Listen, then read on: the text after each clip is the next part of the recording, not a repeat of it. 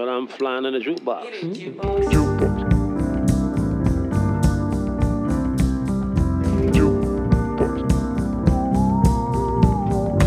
Flying jukebox. Hej och välkomna till den flygande jukeboxen, en podd av, med och för musikälskare. Mitt namn är Patrik Stanelius och nu kommer jag prata lite fortare än vanligt för det är mycket som ska hinnas med. Veckans gäst heter Jonas Lundqvist, just det, den Jonas Lundqvist, tennistränaren, musiknörden, den före detta Bad Cash Quartet-trummisen, soloartisten som gett ut musik både under eget namn och det tidigare aliaset Jonas Game.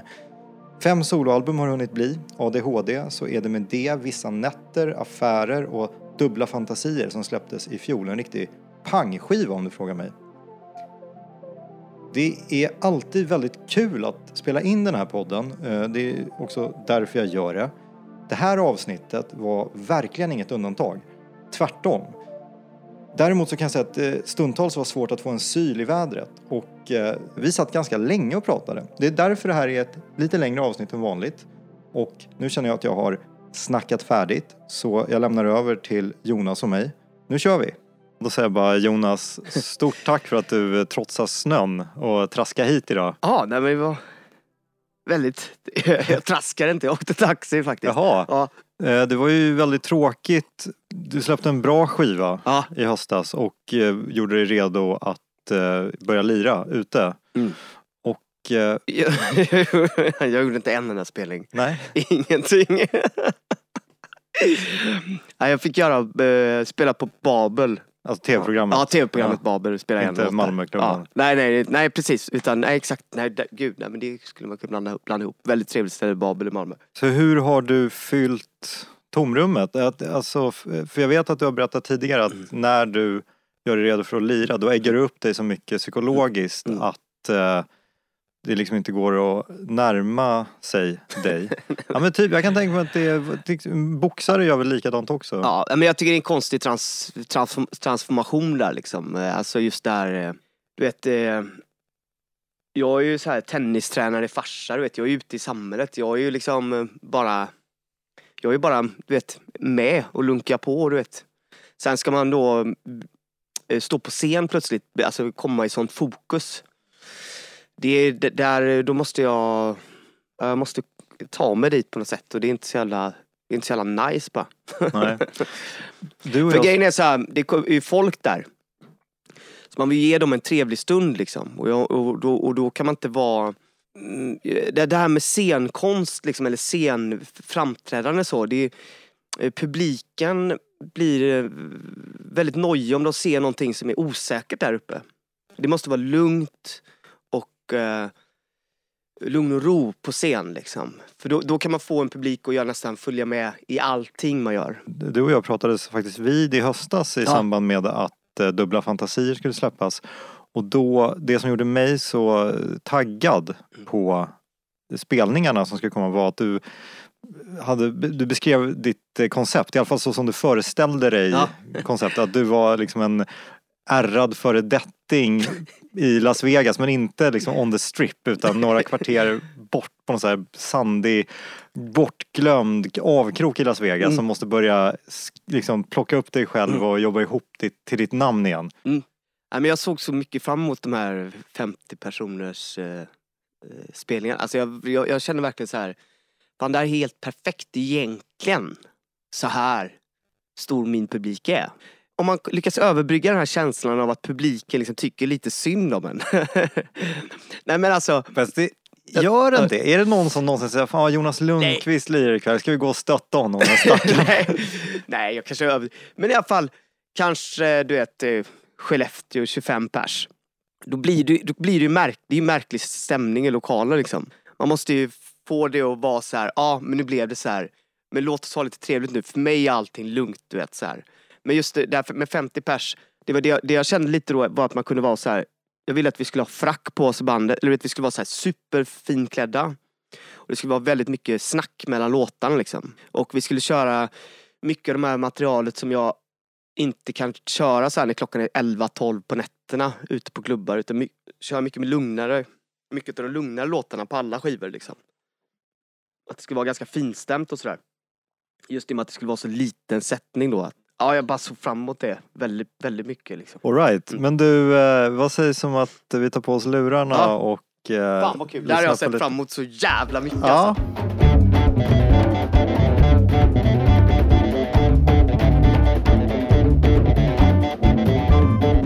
Nej, så jävla bra redan alltså.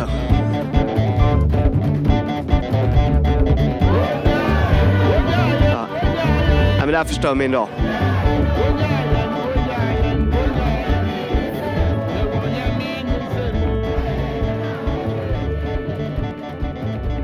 Så jag farlig sån här musik. Vet du, får vilja skita i allt. Det är det som är livsfarligt alltså. Men den här var ju sjukt farlig. det här är det ghananska musikkollektivet Ghana. African Footprint International. Låten heter Wongaye, tyckte jag det lät som de sjöng. Och eh, just den här skivan är inspelad tillsammans med eh, det amerikanska bandet Akron Family. Ett gäng multiinstrumentalister som eh, gjort lite pålägg men eh, liksom eh, missförstå mig inte, det här är African Footprint International i liksom allt vad som är viktigt när det kommer till det musikaliska. Men är det nu? Är det nutida? Ja, det här släpptes 2019. Det, är otro, det är otroligt alltså. Mm. Otroligt, otroligt alltså. Den hamnar i kategorin farlig musik. Farlig musik. Ja. Vad mer hamnar i kategorin farlig musik?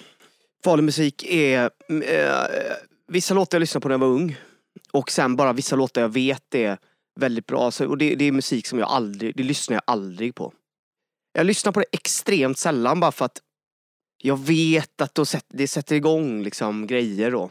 Då behöver jag ha tre dagar helt ledigt om jag ska lyssna på den grejen liksom. Alltså jag har också ett liknande begrepp men, men för mig är farlig musik snarare, jag har liksom ett, begrepp som jag kallar för krossa glaset musik. Att Ja. jag har musik då framförallt låtar som jag inte, som jag vet är för bra för att lyssna på. Mm. För att jag inte vill att det ska förtas. Utan det är så här, jag, jag, det kommer komma en stund i livet jag behöver krossa glaset och dra i spaken som gör att de här låtarna spelas. Och då vill jag att känslan ska vara eh, intakt. Så, så, så gott som det går att bevara den intakt. Jag tycker inte det är många som snackar om det där men just, eh, just det där att inte kunna liksom lyssna på musik. Det är fan starka grejer musik och det går, eh, det sätter sig på vissa känslor liksom som, eh, som inte alltid heller så här är bra för en. Det är fan farligt alltså. Mm. Farlig musik Ja, helt enkelt. men som den där musiken och då är det ju jag känner ju direkt en, en, en, en känsla av att jag vill fly liksom. Det där, eller, eller liksom, inte fly men också göra mig fri. Men varför är man inte inne i det hela tiden? Varför viger jag inte varenda sekund åt att försöka hitta in i den känslan för? Det är ju helt men, det, är, det är det enda som betyder någonting. Och när, det, när de tankarna börjar komma då börjar man ifrågasätta liksom hela ens tillvaro. Och ja, Ja, du är ju trummis, Mm. du satt och sittdansade med hela kroppen kan man väl säga på något vänster när, när du lyssnade på det här. Jag undrar, vad kom först för dig? Var det liksom din rhythm eh, eller var det trumspelet? Eller fick du rhythm tack vare att du började spela trummor? Fattar du vad jag menar? Ja, jag fattar. Nej, men jag, hade, nej, men det, jag höll på med det sen jag var jätteliten. Liksom. Eh, Jag har bara hållit på så här, du vet, varit den eh, jobbiga jäveln som spelar på knäna du vet hela Mm. tiden. Ja. Ja. Bäst att stoppa ett par stockar i handen på dig. ja, men lite så. Eh, Så fick jag, men jag gjorde mycket trummor med så här kastruller och vet, sånt i början och så.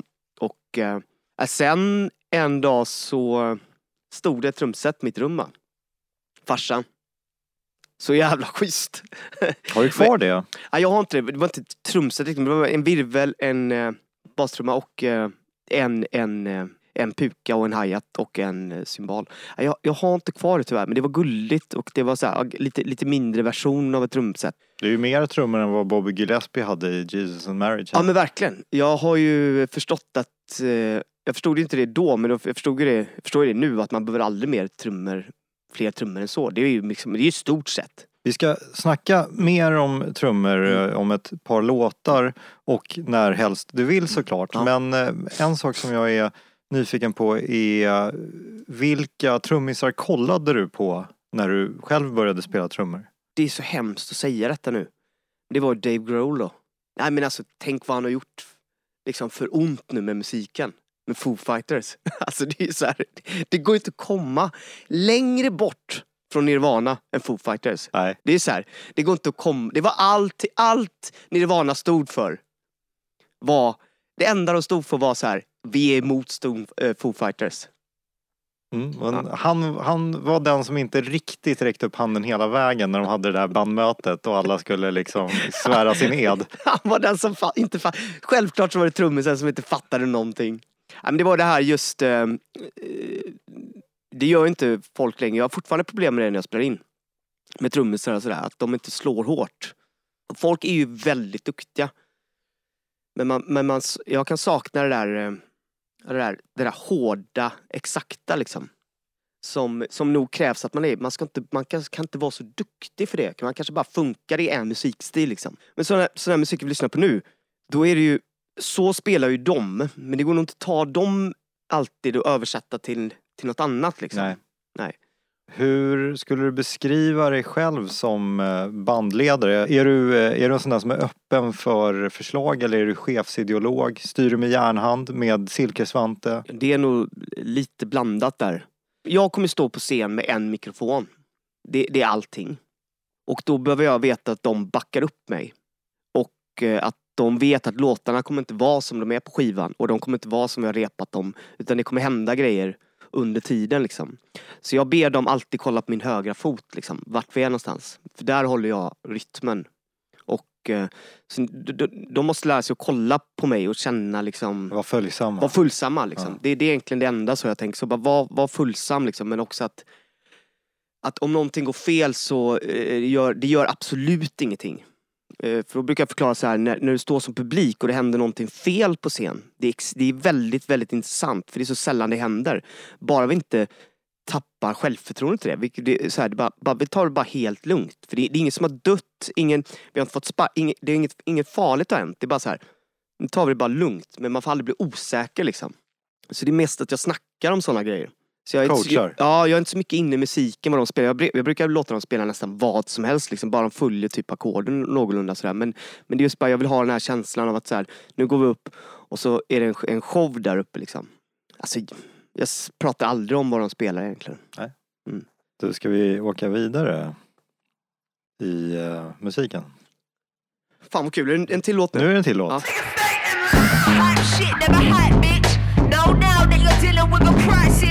Never a been nice, never been nice, nigga. I'm a thrift store kid, real fly, nigga. Haven't seen the show till you see me live, nigga. At 23, sold dreams to my side, nigga. See God when you look me in my eyes, nigga. Learn from Yada when I touch the sky, nigga. 15 when I roll to survive, nigga. Fast forward seven years, low ties, nigga. Stayed in my own lane. Varför blir jag lite- Varför blir jag lite misstänksam? Jag blir lite misstänksam mot det här. Jag, jag är ledsen, jag hör att det är svinbra. Det bara, det går inte riktigt in. Men, men jag tänker att det är, eh, de har snackat om det här. Alltså de som gör det? Ja. Det här är inte, det här är, de, känner, de kände inte varandra så bra när de, när de sågs. Så de pratat om vad de vill göra. Och så gör de det skitbra.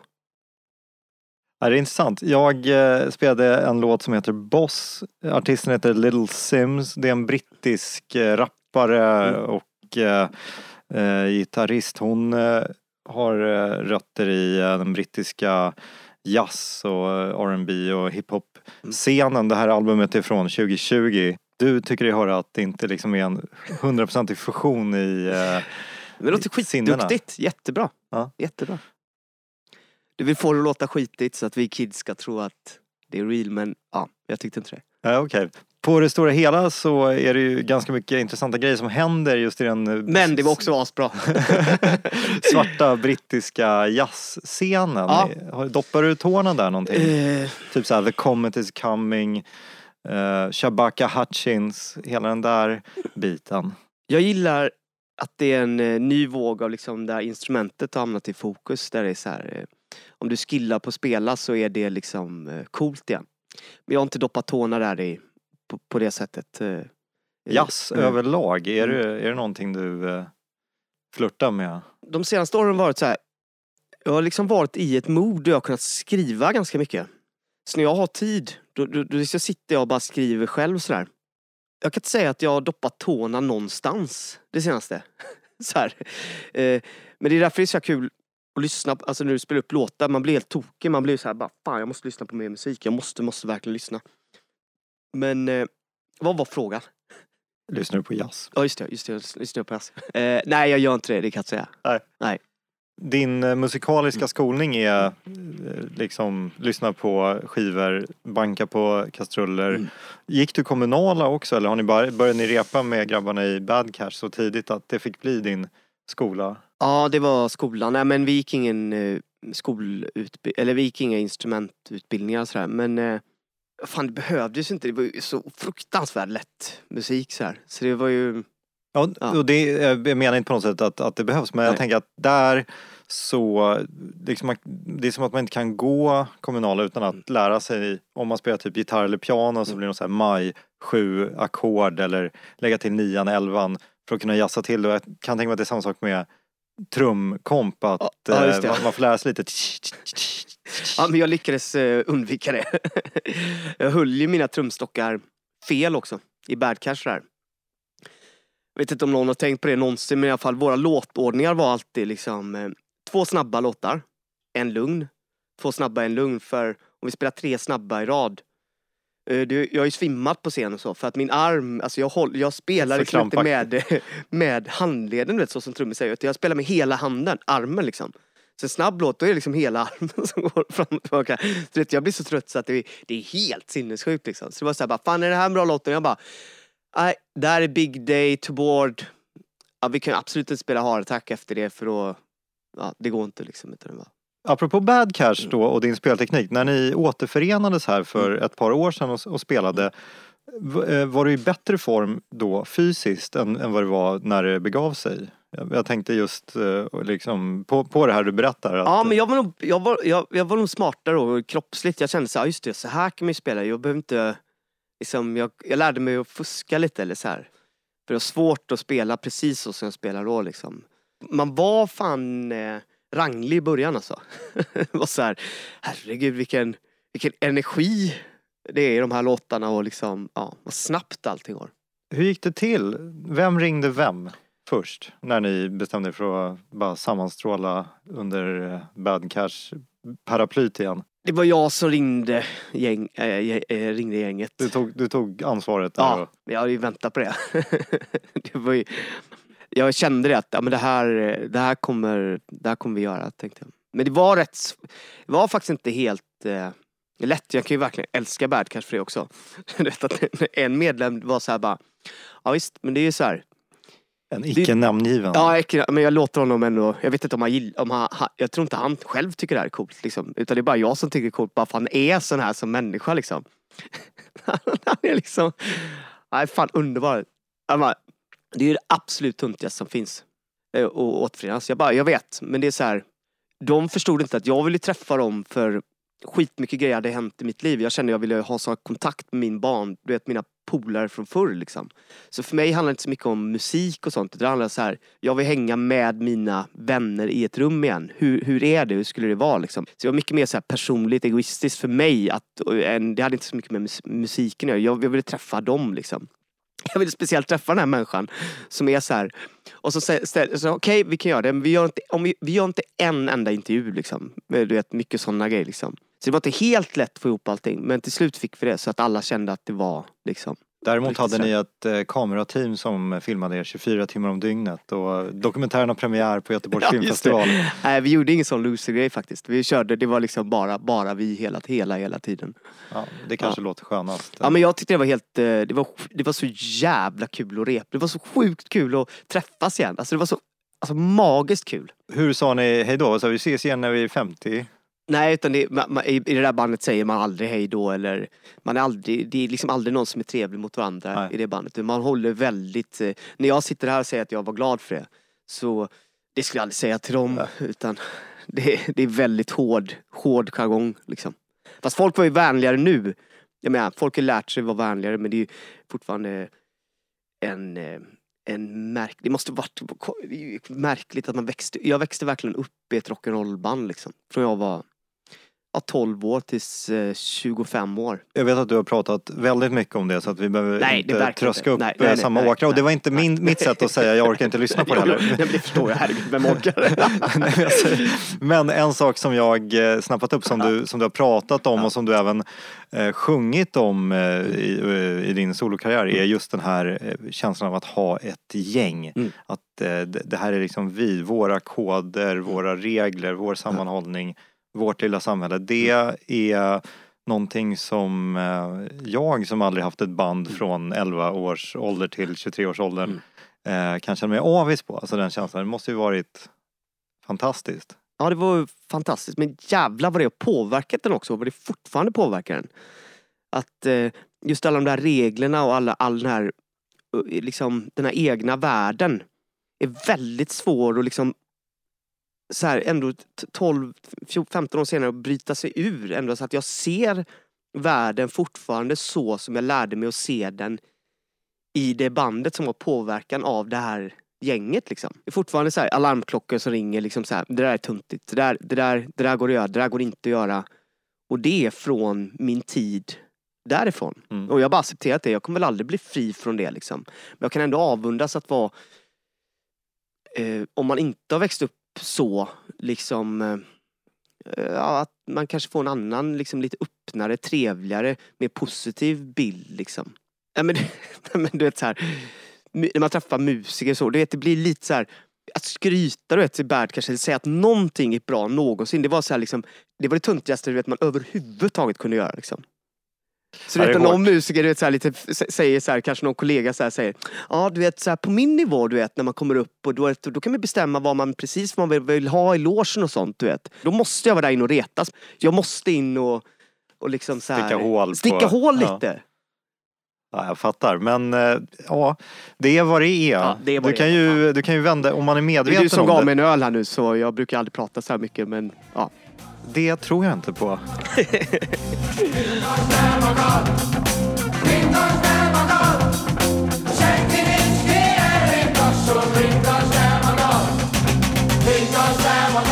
Också farlig musik.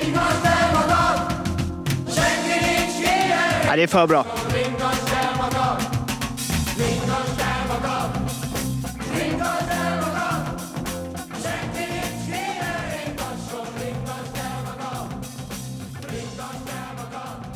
Det här är ju super... Eh, kraftsmusik. Ja, superfarligt. Och trummisen att det är... Eh, trummisen... Att trum, trummorna, basen ligger i mitten. Man har en komp på vänster. Och så har man en crazy person på, på höger. Och att det är bara de elementen. Och att trummisen hela tiden ligger precis... Ja, men det, det, det är det här trummisar kan eller inte. Han... Eller hon, den, här, den, som, ja, den som spelar ligger liksom precis lite fel kan man skulle många nog, eller det, det ligger liksom precis lite efter. Det blir lite svängigt. Ja, men det är så sjukt bra alltså. Ja, vi lyssnade på eh, Anna Adamic och Gabor Presers eh, ungerska stenkrossar funk rocklåt Ringarst El Magad nummer två. Nummer två. Ja, därför att nummer ett, det här är alltså människor som är involverade i mitt i smeten av eh, Ungerns rockigaste era, 70-talet, när band som Lokomotiv GT och Omega gjorde sinnessjukt bra musik. Mm. Och eh, eh, det här är människor som var liksom eh, inflytelserika i båda de här banden som jag nämnde och eh, Lokomotiv GT gjorde den första Ringars Almagad, det betyder typ eh, sväng om dig själv eller vad fasen man ska Bra översätta namn, från. sväng om dig själv. Ja, och eh, här är en, och den är mycket mer så här jazzfunkigare. Den här är, den här är hård, Ja, för det här var ju ändå enkelt. Alltså, enkelt. ja. Och Sjukt eh, svårt spela men ändå enkel. i, eh, i vanlig ordning så kommer allt som finns på Spotify som spelas i podden att, att eh, delas efter att avsnittet läggs upp. Och just den här låten är från en föredömligt betitlad samling som heter Well Hung. Som är så här, alltså kommunisterans ungerska funkrock utgiven på det förnämliga bolaget Finders Keepers. Okej, men jag är helt chockad av att det är från Ungern alltså. Du menar att det är från Ungern alltså? Jag menar att det är från, och vi snackar typ 1972 här.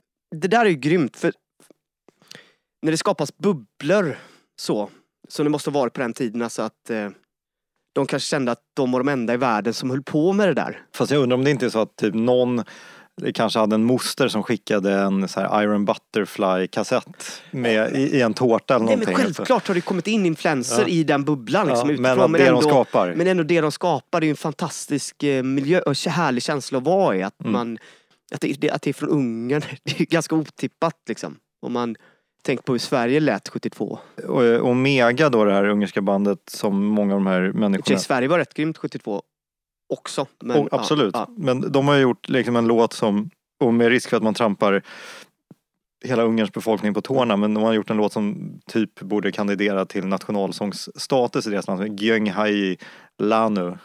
Jag kan, jag kan spela en snutt för dig sen, Ja. men det är liksom en, en, en, eh, en tidlös låt för alla årstider verkligen. Som Mm. är också så här, det är svårt att begripa att något sånt kan ha uppstått eh, bakom järnridån. ja. Eh, Isolation, järnridåer. Inte helt dåligt alltså. Men kolla här, vi kan bara gå tillbaka till den låten vi lyssnade i och med att vi nördar ner oss här nu då. Den låten vi lyssnade på här som jag tyckte lät lite så Little Sims-låten. Ja, lite Sims-låten så. Ja, men då, då, då är det liksom, det här var bubbla. Liksom. Och lite Sims-låten eh, tyckte jag ja, kanske hade väldigt mycket influenser från, all- från, all- från, som ett hopplock. Liksom. Alltså att man vet, liksom, li- lite såhär Pine, vad heter den här sidan du vet, man kan gå in och, om man gillar något så kan man trycka på den. Pi- Pinterest. Pin, Pinterest. Ja, Pinterest-musik då, medan det här var en bubbelmusik då.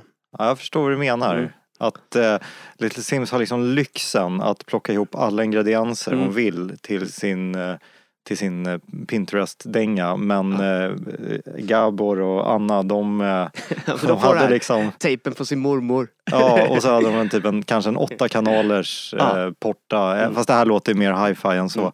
Men de- har en trummis som, som går i vaktparaden till vardags och som har liksom 15 minuter i, på en rast och lägger det här spåret. Ja, lite så. Men det är också typiskt mig att söka det onda och det goda i musik hela tiden. Att det är så här, det finns en eh, något som är gott och något som är ont och så. Upp till passfickan, fan visa dig Passa vidare till centern, attackera. Fem mot fem, ingen lek. Fokusera, har du inte blicken höjd? Nej, ingen tvekar. Axeln mot din skalle kommer smälla. Om tränaren skrik kommer han gnälla. Sätter på bänken pojkjävel, fan håll igen. Tänkt okej gubb, tji fan jag går väl hem. Sakta vi nu pressar, kommer in i zon. Måste hitta avslut, finner ingen ro. Alldeles för mycket stress nu, typ som huvudstaden Nyckelspelaren, de minns en Ja, sjukt bra. väldigt, väldigt bra. Hockeylåten Gonza? Ra. Ja, V- vem är det som har gjort den? Gonza Ra. Eller Okej. Ra. En eh, rappare som ursprungligen är från Storuman Ja. i mörkaste Lappland. Och eh, det hörs ju. Ja, Jag tycker det är en svinbra låt. Kul att du gillar den. Men det är ju inte så mycket bra musik som har gjorts om sport ja det, nej det, det har inte gjorts alls så himla mycket. Men, men grejen är att eh, han gjorde ju det där som vi snackade om först, du vet, när man är på scen och sådär. Att han är ju helt eh, lugn. Han är helt trygg i sin eh, berättelse här. Eh, han försöker inte vara någonting annat än det. Det här kan han. Så då sjunger han om det. Och då blir man som lyssnare, då är man helt med.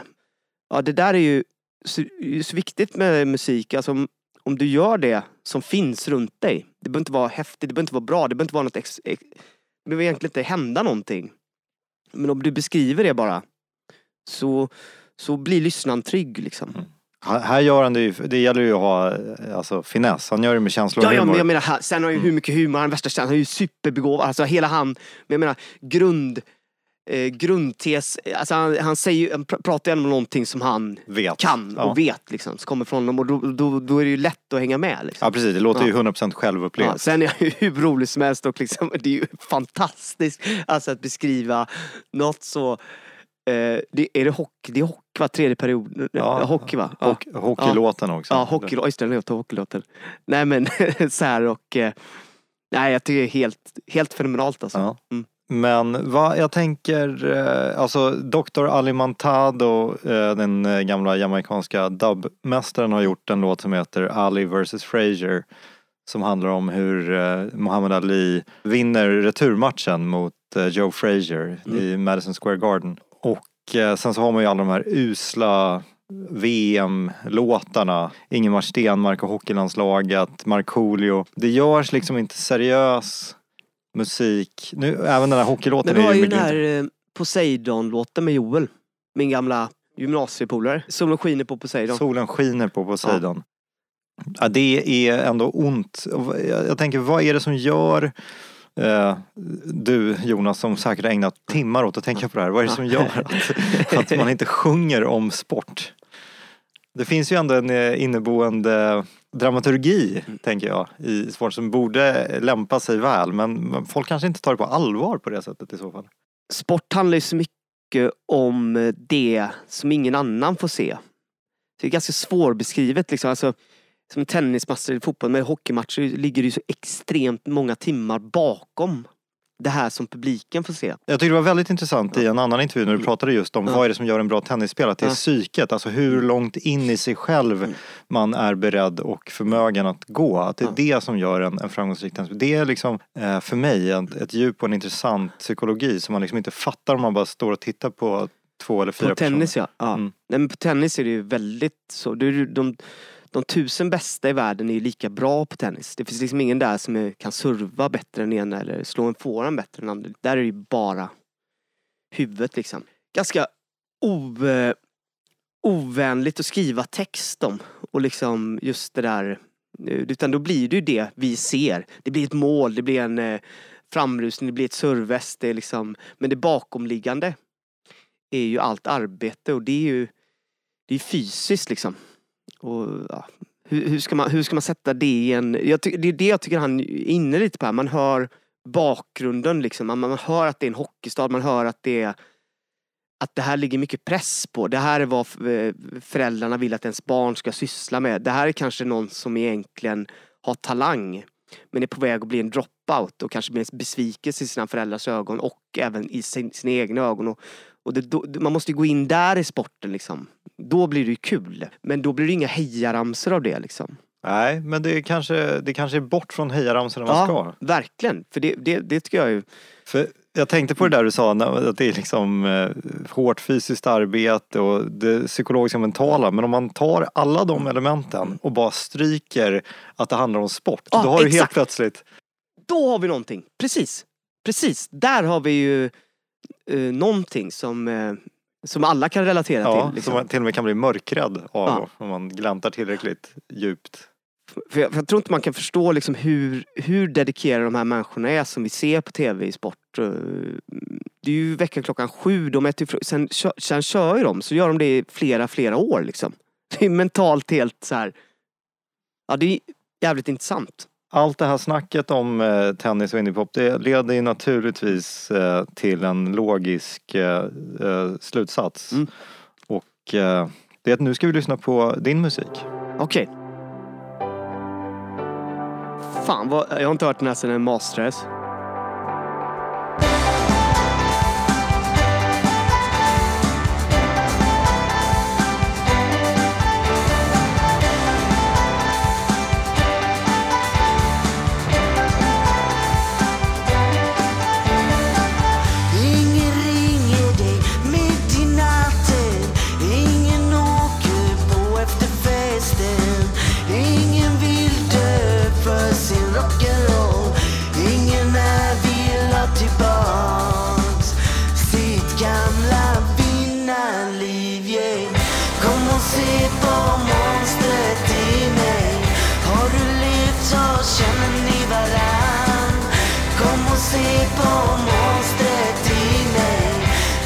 föds när drömmen dör Kom och se på monstret i mig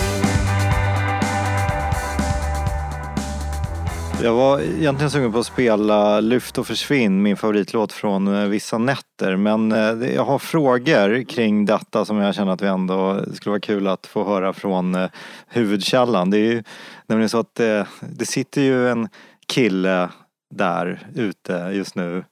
Eh, ditt tidigare alter ego Jonas Game Ja. får höra sin gamla låt ADHD i ny skrud. Mm. ta en klunk. Ja. Och berätta sen, eh, hur, hur, länge, hur länge har den svenska texten funnits till Vinnarliv? Hur, eh, alltså, kände du att det är en för bra låt för att på något sätt falla i glömska? Hur, hur kom det sig att den eh, återupplivades så här? Jag hade jävligt mycket text. Ibland så kommer det texter utan musik liksom. Alltså det är bara du vet så här. Ja, det kommer ett jävla sjok liksom. Och då skriver man ner allting du vet, utan att kanske tänka på det så mycket. Sen den där låten har jag alltid, jag har alltid tänkt på den. Jag har ofta jämfört liksom, nya låtar med den. Det är en ja. jävligt bra låt. Ja men det är så en bra låt som jag tänkte så här, bara fan, hur fan gick den där låten till? Vilken jävla tur jag hade. Som, vilken jävla tur alltså. Så eh, jag hade massa text.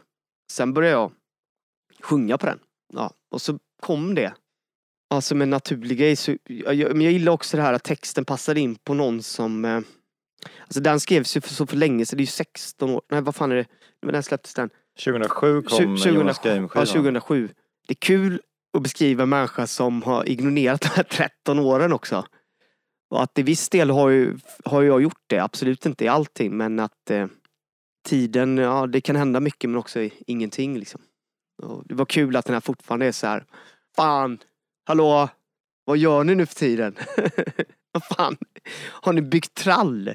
Jag står här med mina ackord. Jag står här för fan, jag vill ju vi ska göra det här grejen. Ja. Jag vill inte höra om din grill.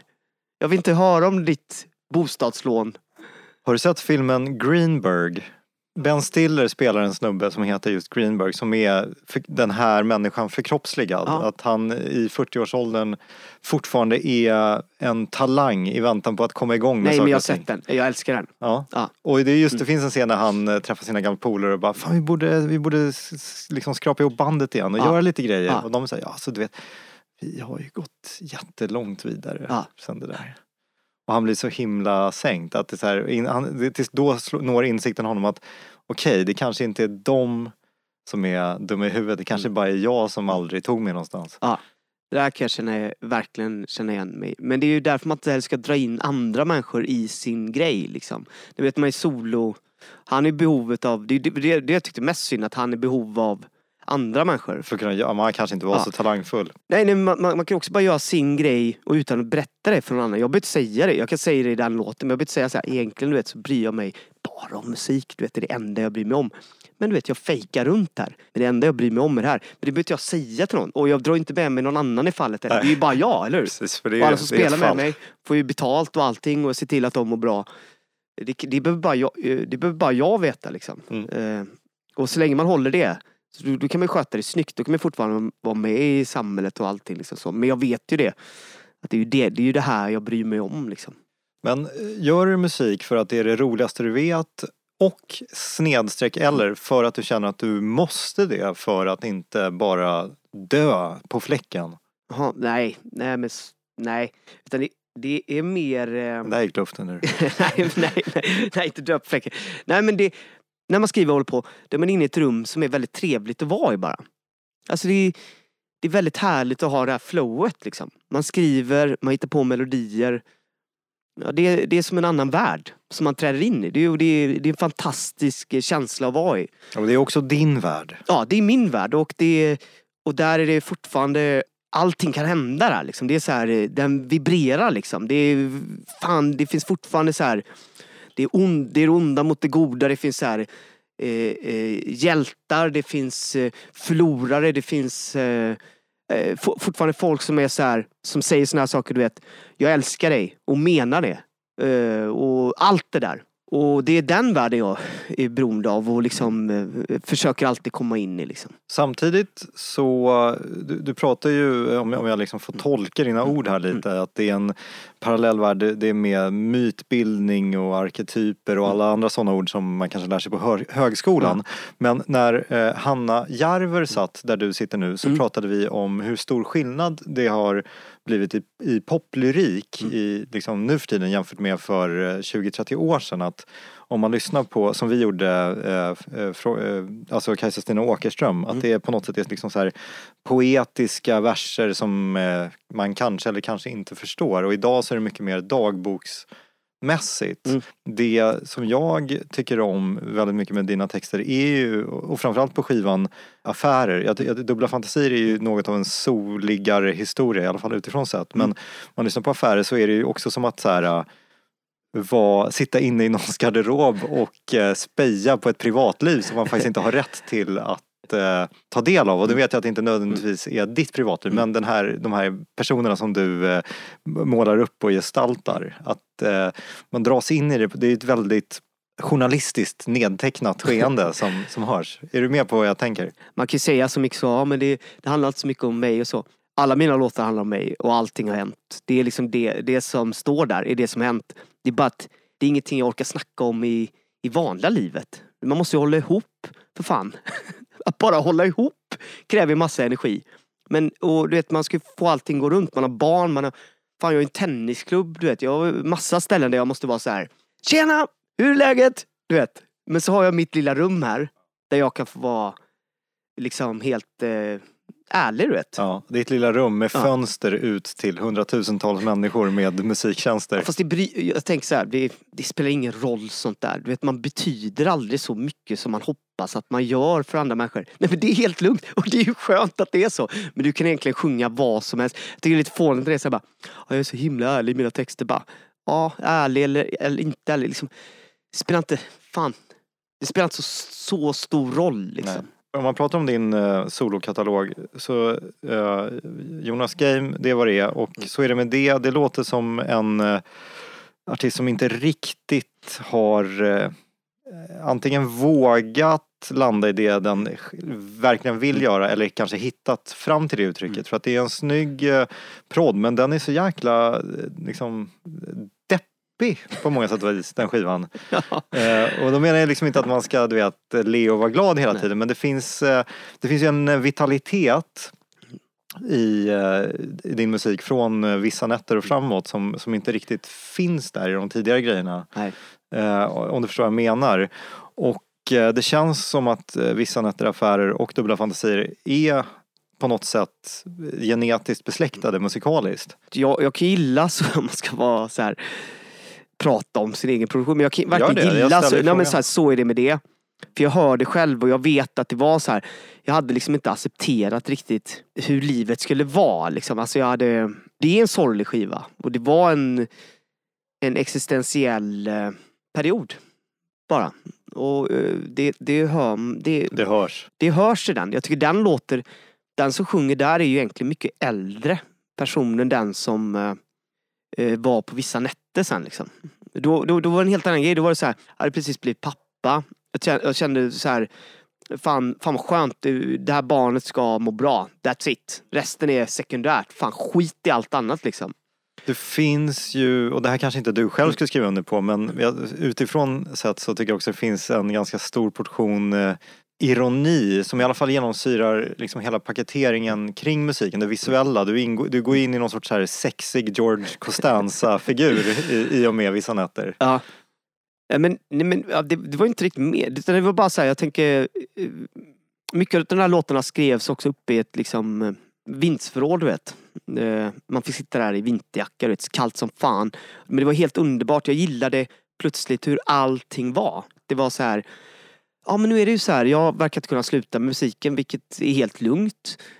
Och eh, nu ska jag bara berätta precis hur, hur allting är. Och jag, inge, jag hade inget behov heller av att någon skulle tycka om det. Det var liksom så här, fan jag hade ju tur med Badcatch, vilken jävla grej att jag fick vara med om det en gång. Det är helt fantastiskt ju. Klart, det behöver aldrig hända mig en gång till för att jag ska fortsätta med det här. Jag känner mig helt fri i skriv, skri, att skriva i livet. Fuck vad det tar vägen. Alltså jag känner mig så här, allting var på, på rätt plats liksom. Med vissa nätter där. Så det var inte meningen att vara sexy George Costanza men det var Jag tyckte det var kul att visa bara Ja så här, så här, kan, du, så här kan det bli du vet om du, om du håller på, fortsätter hålla på med rock'n'roll och ska ta det upp i, i, i åldrarna liksom. För det, det man kan sakna är ju, man vill ju följa med de här skeenden i en, eh, i en, i en artist liksom. Det är en annan grej som vi kan eh, snudda vid. Alltså det är väldigt många artister i rocksvängen framförallt som har svårt att åldras med värdighet. Du når en viss ålder där du inser att jag kan inte sjunga om eh, mitt liv som jag lever nu utan Jo, jag men det är måste det börja bli alltid kan. nostalgisk. Ja. Alltså, jo, man kan men det är många som inte vågar det. Mm. Det är så här, Rolling Stones sjung- sjunger fortfarande om brudar. Alltså här, det, det är som att de liksom inte har gjort någonting annat sedan 1964. Men det har de ju. Men de orkar liksom inte sjunga om så här höft, eh, vet du, höftkulor och Viagra och allt vad deras liv handlar om. Vänner som dör av ålder. Då måste jag gå emot det lite där. Jag, jag tycker så här. Vi kan ta ett ex svenskt exempel, Hives till exempel. De har inte en enda låt liksom som eh, han- kärleksproblem eller någon, någon inre konflikt eller något existentiellt eller någonting utan Ja, och när man, när man gör det, skiva ett, skiva två, okej, skiva tre, då börjar folk bli så här, fan kan du inte sjunga om något annat? Ja men så gör man det skiva fyra också. Det börjar bli sådär, okej, det här är vad de kan. Sen när man gör det på skiva fem, och sen skiva sex och skiva sju, då börjar, då börjar det bli sådär, okej, de har ju levt ett liv precis som jag har gjort. Mm. De har ju gått igenom allt det här, precis som jag har gjort. Alla de här känslorna, allting. Allt det här som jag liksom, eller inte jag då, men som, som, som, som Människor. den genre Ja. som jag tillhör typ, har berättat om det här, massa jävla skittexter och allting har varit så jävla djupt. De har valt att inte göra det. Liksom textmässigt sådär. Som AC/DC då eller någonting, eller som Hives. Jag tycker det blir så fullständigt briljant och helt fantastiskt och egentligen mycket mycket mer förstå, alltså de visar större förståelse för en, vad en människa är. Att inte nämna baksidan av livet eller, eller någonting under så lång tid gör så att det jag blev tokig när jag, när jag, när jag lyssnar på det. Eh, Alltså jag tycker det är helt fantastiskt briljant och egentligen det är det allt jag vill åstadkomma med min grej. Det, det ytliga. Ja men det finns det, vi vet. Jag, de vet, de vet Ja. att allt finns där men de väljer att inte ta upp det. Men jag förstår, vad du, jag förstår vad du säger. Jag tycker inte riktigt att du går emot mig för att det, det handlar ju om... Nej, jag det du går inte säger är emot att om dig, man det- gör, nej, ja. men det var inte, Ja. men alltså att om man gör samma sak tillräckligt länge så blir det som en blinkning att allt det man inte säger är det man egentligen säger. Exakt! Men det Tack, kräver du ju... sa det mycket bättre. Nej, Jag men förklarar det så du, du gjorde grovjobbet. Ja. Men det kräver ju en, eh, ett inkänn, alltså att man är förmögen att känna in det som lyssnare. Det är inte alla som gör det. Mm. Nej. Du, du har ju uppenbarligen tänkt väldigt mycket på det här och jag tycker att du eh, har en stor poäng. Verkligen. You can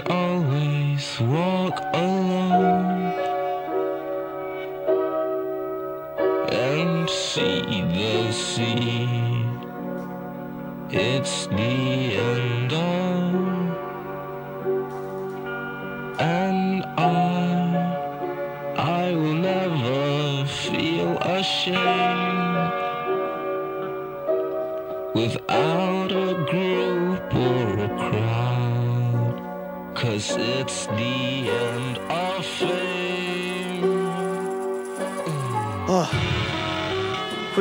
helt sjukt bra. Eller hur? Eh, Vi lyssnade på Studio. Dan Lissvik, Rasmus Hägg. Ja, det är så sjukt att det är... Ja, Första sjutummaren på Ja. Service. ja, End of Ot- Fame. ja otroligt alltså. Fan, det, det där var så länge sedan jag hörde den här låten alltså. Du vet, det lät som ny för mig. Nu har jag ju spelat den men det här är en sån där krossa glaset-låt som jag nämnde Ja. tidigare. Därför att det här vill inte jag ska fördärvas. Nej. Jag tycker att det har... Med studio överhuvudtaget, kan vi inte bara prata om det lite? Ja, men det är vad- därför- fan, det är ju helt jävla sjukt ju. Deras musik, men det är ju så här. Haha. Ja. Vet, vet, vet du vad jag brukar göra som är helt jävla vidrig grej? Vadå? fort jag ska liksom göra någonting med, med en producent eller någonting, du vet så här, jag behöver ju alltid hjälp. Jag kan, jag kan inte spela någonting själv liksom. Utan men jag spelar alltid studio. Mm. För att bara ta bort eh, liksom knäck, alltså jag vill bara knäcka, så att jag bara knäcker allting. Så att eh, här är vårt, eh, så här kan, så här kan man få det att låta om man är riktigt jävla egen och helt liksom helt obstinat och helt eh, eh, liksom egen. Ja. Mm. Jag, jag tycker det är märkligt att det inte pratas mer om dem nu. Det var ju Jag ska alltid bygga på dem. 20 år sedan såklart. Men det, det, är, här... det är Sveriges mest inflytelserika band, Studio. I hemlighet är det det. Ja. För alla musiknördar har ju lyssnat på dem. Alla försöker få det att låta så. Vilket de inte säger till någon heller. Det är ju världens bäst bevarade lämning. Alltså om du har, då, då är det så här, jag kommer inte säga det till någon. Men jag ta, kommer ta alla deras tricks liksom. Och, och det är ju lite så att eh, jag vet inte vad eh, Dan Lissvik gör på dagarna men det är lite som att han så då och då bestämmer sig för att påminna världen om att I'm still around, buzz in the game. Och släpper en, eh, en EP eller en 12 eller nu, nu har han faktiskt släppt, eh, i fjol så släppte han liksom fyra fyra skivor, en hel box med eh, skisser från 2001 till mitten på 00-talet som som bara så klår det mesta. Mm. Eh, som en liten påminnelse om att eh, trollkaren ser allt som händer från sitt torn. Ja. Sen finns det en annan trollkarl där som inte gett ut någonting. Rasmus Hägg. Rasmus, Ja. som du har jobbat mycket som, med. Som jag har jobbat med. Men jag har ju hört hans sologrejer. Jag skiter i att inte jag får prata om det. Men han är, han är ju liksom eh, ja, en, en annan typ av människa. Han är, han är verkligen så här fantastisk familjefar och allt. Jätte så här. Men när det kommer till musik då något helt eh, kompromisslöst där. Han blir en annan. Men i alla fall de grejerna jag har hört han spela upp. Jag har aldrig hört sån musik. Men han släpper inte. Han har nog säkert åtta, nio skivor. Men han släpper inte. Men eh, otrolig, alltså fan studio, vilken jävla... Och Dan Lissvik också. Men de var ju väldigt bra ihop. Det blev ju det där, kanske det där ultraflummiga som Rasmus står för och lite mer exakta som Lissvik är sådär liksom. Men Ja, jag skulle kunna prata om dem i hundra... Det var bland de första gångerna jag hörde också liksom eh, vikten av eh, orytm. Eh, att blanda det här stela som finns i elektroniskt och det liksom så här det, det goofiga som finns i en människa så här, men också göra det inte så stor grej utav det. Att det är mm, allt, ja, det var otrolig, otrolig musik alltså. Mm. Ja, men kul att du tar upp studio. Jag hoppas att ni som lyssnar verkligen ge, lyssnar på det. Finns de på Spotify ens eller? Nej, det gör de inte. Dan Lissvik finns. Finns, men inte, inte studio va? Då får man gå Det finns på Youtube. på Youtube i, i det där kaninhålet. Ja. Nu har vi nått finalen. Ja. Och eh, jag vet inte hur mycket av eh, tidigare avsnitt du har hört men ett, en återkommande röd tråd Mm. som eh, har eh, initierats av mig varje Ja. gång. Oh, shit, det har varit en röd tråd där då? Ja, men det har funnits en, Ja. nej, nej, i tidigare program, Mm. eh, vad gör en låt sexig? Jag tänkte begrava det men det går ju inte riktigt att komma Nej. ifrån. Eh, och nu när jag har en eh, showman och entertainer och lover mitt emot mig så eh, vevar vi igång en sån kanske.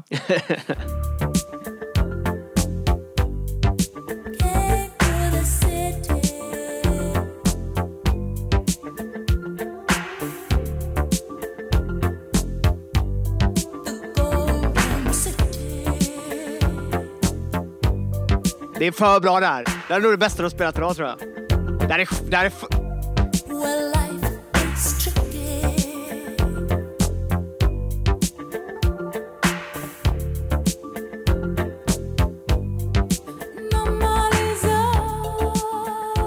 men du fattar, hur fan ska man fortsätta med sin dag efter man har hört det här? Va? Letta Mbulu. Vi börjar i Afrika, vi slutar i Afrika. Det här är Sydafrikas eh, Grand Lady. Letta Mbulu sjunger låten Normalizo. Eh, året är 1983. Okej, berätta allt. Vad, vad, är hon legend där? Är det liksom... Jag vet inte Mm, allt, nej, men nej. eh, har du sett eh, den gamla miniserien Roots, Rötter? En klassiker. Den, gi- den gick, En serie eller? Ja, alltså det är en miniserie, vad är det, fyra avsnitt? är den från 70-talet? Ja, det var liksom en stor produktion. Mm. Och eh, Quincy Jones gjorde musiken och eh, Letta Mbulu är med och sjunger på många av spåren på soundtracket. Okej. Så det är liksom hennes, eh, kan man säga, claim to fame i västvärlden. Men Ja. i Sydafrika så är hon ju ett namn. Nej, men det, det går inte att säga så mycket där. Gör ju bara allting rätt. Men också igen då så här lugn, så här självförtroende. Mm. Ändå liksom eh, den här distansen som jag tycker behövs. Den, den får mig som lyssnare att känna så här att man ser sig inte, inte sig själv som det viktigaste. Liksom. Att det finns en liten kyla där. Man är mer en röst för någonting som man har fått, som har kommit in igen. Och så, ja men det är bara helt, helt fantastiskt. Och med kyla menar jag inte då är det mer bara att eh, det skapar en trygghet av att jag vet vad jag Ja, gör. men man är lite sval liksom. Ja. Inte, inte så Ja. eh, Man har inte nålen i det röda hela tiden. Nej, exakt. Och lite det här tryggheten från Göteborg och man ska inte tro, eller liksom att man inte tror att man är någonting liksom. Det, eh, man är bara en passagerare liksom. För att återuppliva en gammal flygande jukebox-klassiker då, Mm. skulle du kalla det här för en sexig låt? Ja, verkligen. Men det är ju en sexig låt. Också en låt av en människa som har levt, hör man, som eh, är, för, eh, kan också förstå där att eh, ni kan, ni kan ni, eh, om, du, om du är med mig så kommer du också få belöning. Liksom. Låten växer och växer hela tiden. Den, den, har, den har inte behov av att visa den här fantastiska monumentala refrängen som kommer efter två minuter direkt. Liksom, utan den är lugn, trygg och eh, också hur de går in i rytmerna hela tiden. Att det går ju inte att sjunga med i den här om du inte har hört den flera hundra gånger för hon går ju, hon ligger ju inte på ettan. Hon går ju ut och in i rytmen liksom. Eh, och det är ju ett eh, självförtroende där liksom. Det, är självförtroende så här allvar. Det är högst allvarligt också. Alltså superallvarligt. Så det är absolut en sexig låt. Fett! Ja. Du, eh, jag vill säga tack för att du kom hit. Mm. Supertrevligt och jätteroligt att snacka med dig. Ja, sjukt kul att vara här. Jonas Game, Jonas Set, Jonas Match. Fan vad bra.